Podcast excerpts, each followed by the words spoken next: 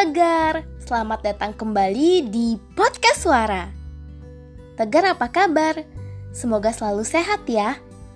Tegar, masih ingatkah kemarin kita ngobrolin apa? Ya, tentang nama dan cerita. Ngomong-ngomong soal cerita, Wara juga menjadi salah satu dari 50 orang kawan dongeng daring yang ada di Indonesia. Kawan Dongeng Daring merupakan salah satu program dari Imagination Indonesia yang didukung oleh Indika Foundation. Imagination Indonesia itu sendiri merupakan gerakan bersama untuk memperbanyak penutur di masyarakat yang disebut dengan kawan dongeng. Karena di 2020 kita mendapat musibah pandemik, jadi kebiasaan-kebiasaan kita mulai berubah dan salah satu perubahannya adalah pembatasan aktivitas di luar ruangan. Makanya muncullah kawan dongeng daring. Nah, Tegar, kalau mau mendengarkan dongeng-dongeng atau cerita-cerita dari berbagai daerah di Nusantara dengan berbagai bahasa yang ada di Indonesia, Tegar bisa langsung berkunjung ke podcastnya Kawan Dongeng. Wara sendiri ada di episode 22 menceritakan tentang asal-usul danau kembar dalam bahasa Minang. Danau kembar. Tegar udah pernah ke danau kembar belum?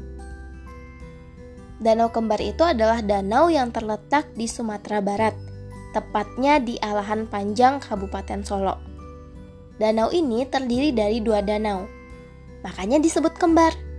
Ada danau di atas yang terletak di pinggir jalan Padang Muaro Labuah ada danau di bawah yang terletak di Nagari Bukit Sileh, Kecamatan Lembang Jaya. Tapi Wara, aku kan gak ngerti bahasa Minang. Aku cuma bisa menikmati ceritanya aja dan nebak-nebak sedikit alur ceritanya seperti apa. Oke, baik. Di podcast kali ini, Wara bakal menceritakan kembali tentang legenda Danau Kembar yang akan Wara tuturkan dalam bahasa Indonesia. Ah, Wara bakal bocorin aturannya dulu ya. Jadi gini Tegar. Rencananya, setiap minggunya akan ada kisah-kisah atau dongeng-dongeng yang akan Wara tuturkan. Nah, untuk dongeng yang berasal dari Sumatera Barat akan Wara tuturkan dalam bahasa Indonesia. Sementara dongeng-dongeng atau kisah-kisah yang berasal dari luar Sumatera Barat itu akan Wara tuturkan menggunakan bahasa Minang. Gimana? Oke kan? Baiklah, supaya mukadimahnya tidak terlalu panjang, langsung aja ya kita bercerita tentang asal-muasal Danau Kembar yang Wara ceritakan kembali dari legenda Danau Kembar karya Uda Pinto Anugrah. Selamat mendengarkan!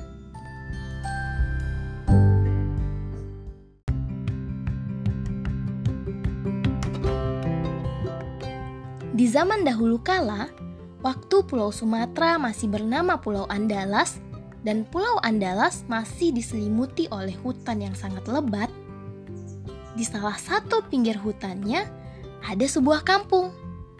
Di kampung itu hiduplah Inyak Gadang Bahan. Inyak atau kakek ini disebut Gadang Bahan karena beliau punya kapak yang sangat besar. Kapak itu hampir sama besar dengan badannya yang sebesar pohon beringin sangat besar. Walaupun sudah kakek-kakek, Inyak gadang bahan masih tetap kuat.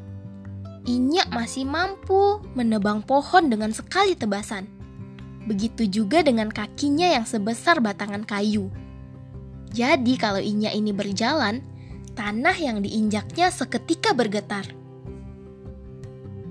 Inyak gadang bahan bukanlah orang yang jahat.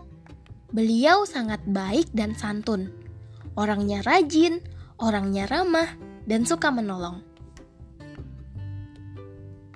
Suatu hari, Inyak Gadang Bahan pergi ke hutan untuk mencari kayu bakar. Di ujung kampung, Inyak bertemu dengan seorang nenek tua renta. Nenek itu tampak payah berjalan dengan tongkatnya. Jalannya sangat lambat. Ketika Inyak Gadang Bahan berjalan mendekat, nenek tua itu langsung terhuyung karena tanah di sekitarnya bergetar. Inyak gadang bahan langsung memegang nenek tua renta itu agar tidak terjatuh. Maafkan saya, Nek. Gara-gara saya, nenek hampir terjatuh. Ujar Inyak gadang bahan merasa bersalah. Tidak apa-apanya. Saya hanya kaget. Saya kira tadi gempa bumi. Balas nenek tua renta itu sambil tertawa. Mau ke mana Inyak pagi-pagi begini? Begitu bersemangat saya lihat. Sambung nenek itu lagi. Mau ke hutan, Nek. Mencari kayu bakar. Balas si Inyak gadang bahan. Terus raut wajah nenek tua renta itu seketika langsung berubah cemas. Ada apa, Nek? Sepertinya ada sesuatu yang membuat nenek menjadi cemas dan ketakutan. Tanya si Inyak gadang bahan. Sudah tiga hari ini, setiap malam dari dalam hutan terdengar suara dengkuran. Sepertinya ini pertanda yang tidak baik. Berhati-hatilah Inyak memasuki hutan. Jika ada sesuatu yang ganjil, segeralah berbalik ke kampung. Jangan teruskan perjalanan memasuki hutan itu. Nasihat si nenek tua. Inyak gadang bahan mengangguk-ngangguk mendengar nasihat nenek tadi. Baik, Nek. Terima kasih nasihatnya. Saya akan mengingat nasihat nenek selalu. Kalau begitu, saya permisi dulu ya, Nek. Saya lanjutkan perjalanan memasuki hutan. Lanjut si Inyak gadang bahan. Kemudian, Inyak gadang bahan ini melanjutkan perjalanannya ke hutan. Sepanjang jalan, Inyak selalu mengingat pesan nenek tadi. Pagi telah beranjak siang. Matahari hampir tepat di atas kepala. Inyak gadang bahan semakin jauh memasuki hutan. Ia menempuh jalan setapak yang biasa dilewatinya. Oh oh, tapi ada yang aneh. Banyak sekali pohon-pohon yang patah dan tumbang. Sepanjang mata memandang, berselakan pula dahan-dahan kayu. Inyak gadang bahan mulai mengerutkan kening. Ia bertanya dalam hati, Apa yang terjadi di hutan ini? Kenapa begitu banyak pohon yang tumbang ya? Hmm.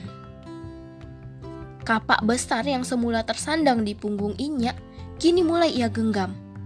Inyak gadang bahan mulai berjalan dengan siaga dan was-was. Ia penasaran. Ia kembali teringat perkataan nenek tua yang ditemuinya tadi. Hmm, mungkin pohon-pohon tumbang dan patah itu ulah si pemilik suara dengkuran yang dikatakan nenek tadi.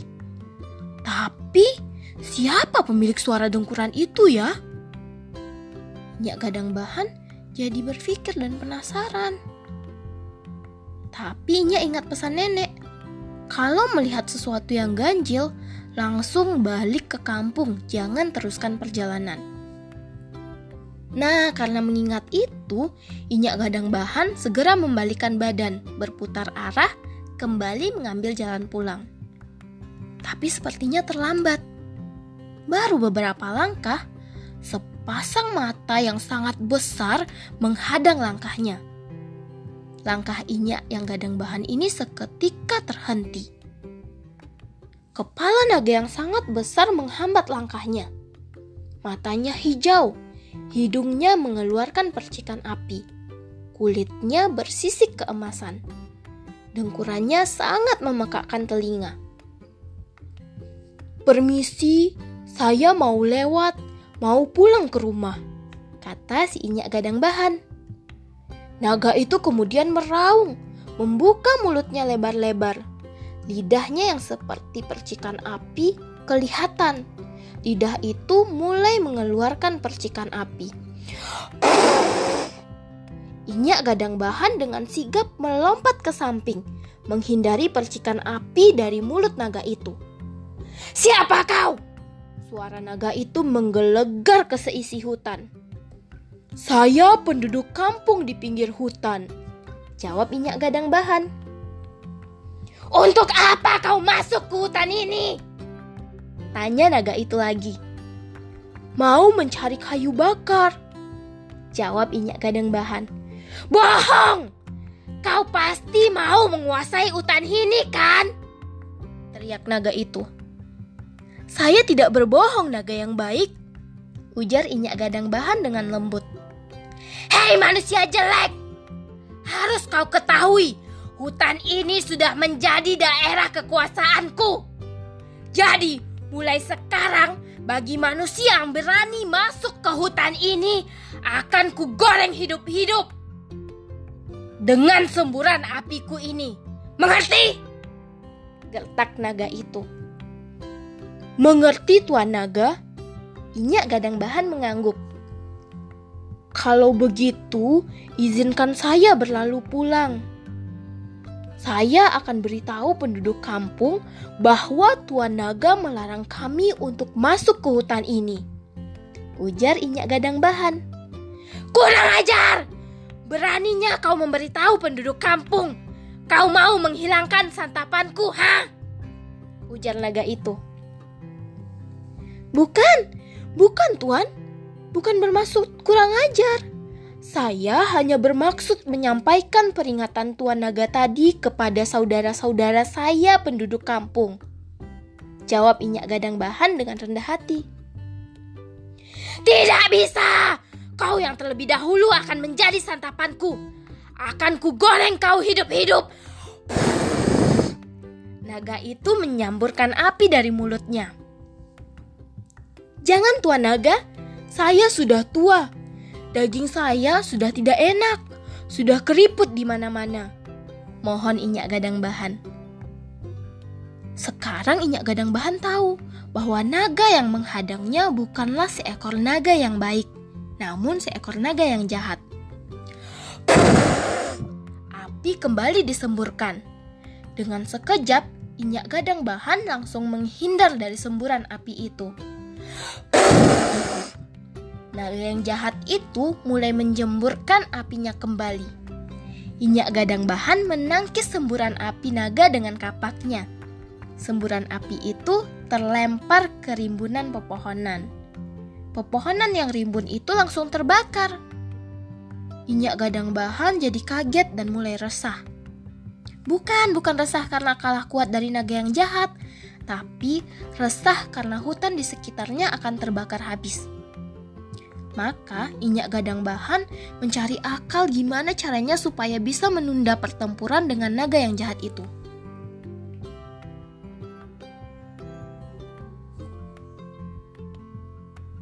Kemudian Inyak Gadang Bahan mendapat ide. Tuan naga yang gagah, panggil Inyak Gadang Bahan. Ada apa? Sepertinya pertempuran ini akan memakan waktu yang lama. Sedangkan perut Tuan Naga semakin lapar. Karena semakin lapar, tentu kekuatan Tuan Naga akan semakin berkurang. Saya ada usul agar perut Tuan Naga tetap kenyang, sehingga bisa bertempur dengan kekuatan penuh. Pancing si Inyak Gadang Bahan. Apa usulmu itu? Inyak Gadang Bahan tersenyum. Bagaimana kalau kita berpindah tempat bertempur? Di ujung hutan sebelah barat sana ada sebuah lembah. Di dasar lembah itu ada sebuah padang pengembalaan.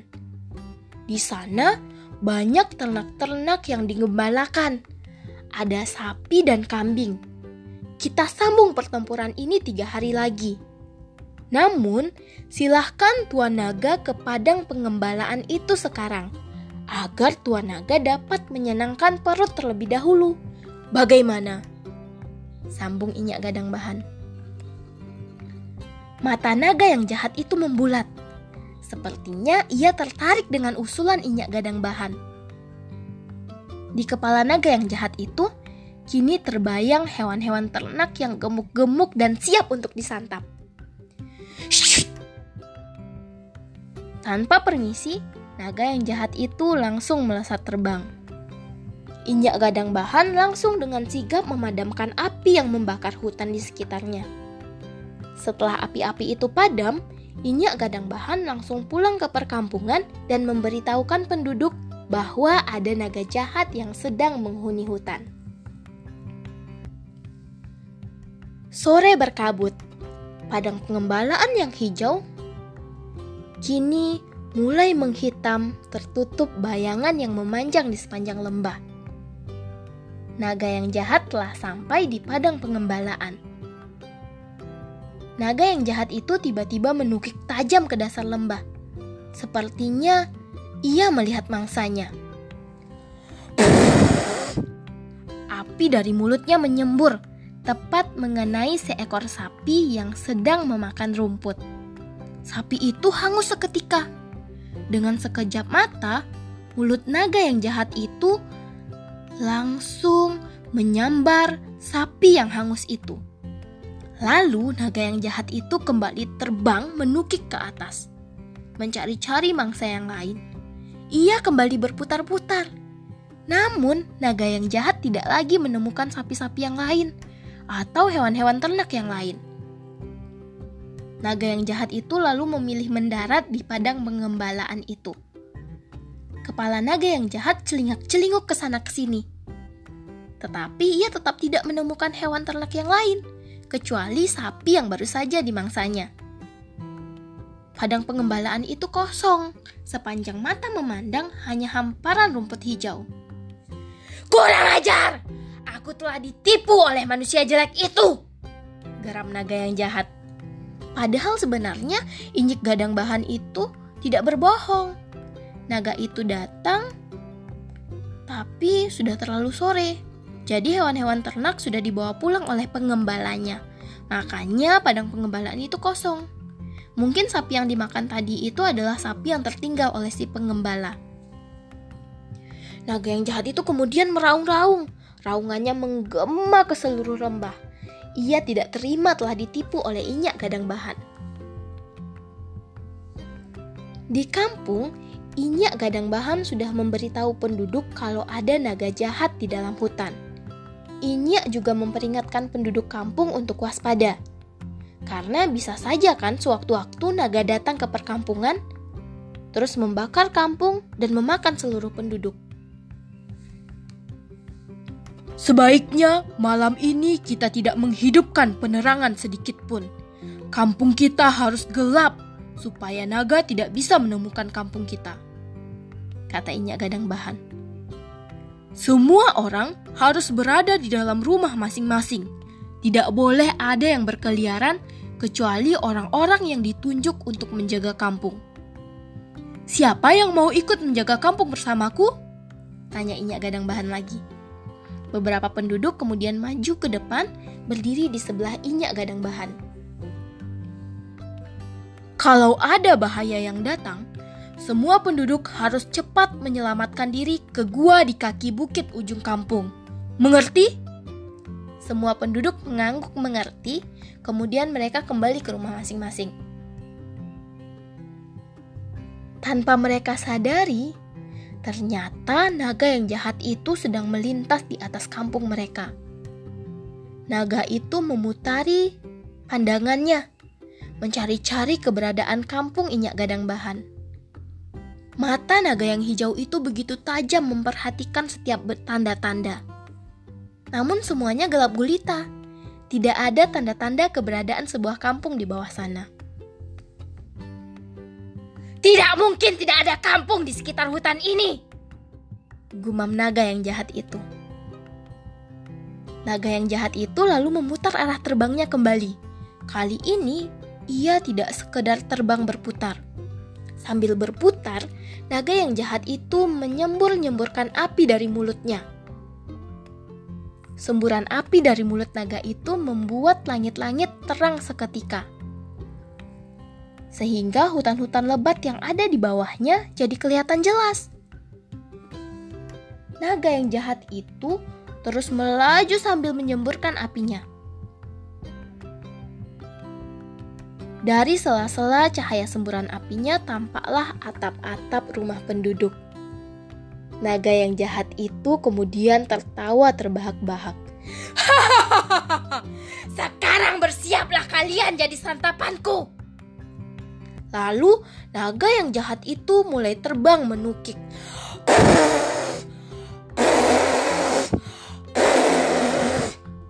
Api dari mulutnya terus tersembur. Sedangkan di bawah sana, Inyak Gadang Bahan dan penjaga kampung melihat cahaya semburan api dari mulut naga yang jahat itu di langit kampung mereka. Inyak Gadang Bahan segera memberi aba-aba kepada penjaga penduduk agar segera membunyikan pentungan. Kentungan pun berbunyi sahut menyahut. Tidak putus-putus. Penduduk kampung segera berlari keluar dari rumah mereka. Inyak Gadang Bahan dan penjaga kampung lainnya segera menuntun penduduk kampung untuk mengungsi ke dalam gua di kaki bukit sudut kampung. Semburan api dari mulut naga yang jahat menyambar atap-atap rumah penduduk. Perkampungan penduduk dengan sekejap telah terbakar. Penduduk kampung menjerit-jerit ketakutan, terutama perempuan dan anak-anak. Tapi untung saja, Inyak Gadang Bahan dan para penjaga kampung tidak terlambat mengungsikan penduduk, sehingga tidak ada korban jiwa dari amukan naga yang jahat itu. Naga yang jahat itu kemudian mendarat di antara rumah-rumah yang terbakar. Namun tiba-tiba, Inyak Gadang Bahan berlari dengan kencang ke arah padang pengembalaan. Melihat Inyak Gadang Bahan berlari, naga yang jahat pun kembali terbang dan mengejar Inyak Gadang Bahan. Inyak gadang bahan ini bermaksud untuk menghindari penduduk kampung dari ambukan naga yang jahat. Nah, sekarang Inyak gadang bahan dan naga yang jahat berdiri berhadap-hadapan. Mereka telah siap untuk saling bertempur. Inyak gadang bahan bertempur demi menyelamatkan penduduk kampung dan hutan di sekitarnya, sedangkan naga yang jahat bertempur untuk menguasai hutan dan untuk dirinya yang tidak pernah puas menyenangkan perutnya. Api dari mulut naga yang jahat telah menyembur, mengarah tepat ke Inyak Gadang Bahan. Inyak Gadang Bahan mengelak, kemudian langsung melompat ke arah naga yang jahat. Naga yang jahat berusaha menepis dengan mengibaskan ekornya. Naga yang jahat pun berhasil mengibaskan kapak Inyak Gadang Bahan namun kini ekornya terluka akibat kapak injak gadang bahan. Naga yang jahat langsung menyerang balik. Semburan api naga langsung menyerang saat injak gadang bahan belum sempurna berdirinya. Injak gadang bahan kembali terpelanting. Naga yang jahat kembali menyemburkan api dari mulutnya. Semburan api dari mulutnya kali ini begitu kuat Inyak gadang bahan menahan semburan api itu dengan punggung kapaknya. Inyak gadang bahan terus menahannya sambil terus melangkah mendekat ke arah naga yang jahat. Setelah begitu dekat, Inyak gadang bahan langsung berkelit dan melayangkan kapaknya. Kapak itu tepat mengenai tubuh naga yang jahat. Naga jahat itu langsung tersungkur tidak berdaya. Badannya yang panjang kini terkapar, meliuk-liuk menahan sakit. Darah dari tubuhnya lama-kelamaan menggenang. Darah itu menggenang pada bagian ekor dan bagian kepala naga yang jahat itu.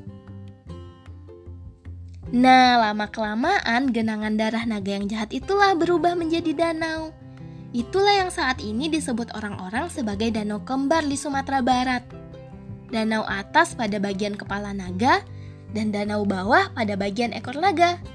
Padang pengembalaan kemudian berubah nama menjadi Alahan Panjang.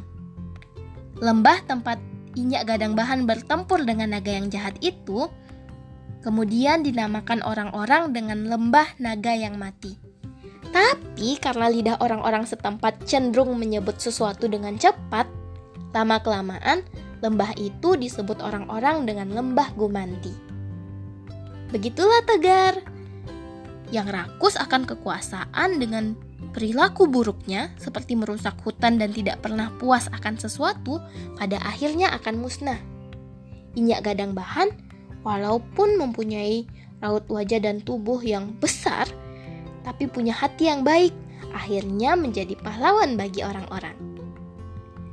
Begitu ceritanya. Bagaimana Tegar? Penasaran kan dengan danau atas dan danau bawah? Silakan datang ke Kabupaten Solo untuk melihat keindahan danau atas dan danau bawah. Terima kasih sudah mendengarkan.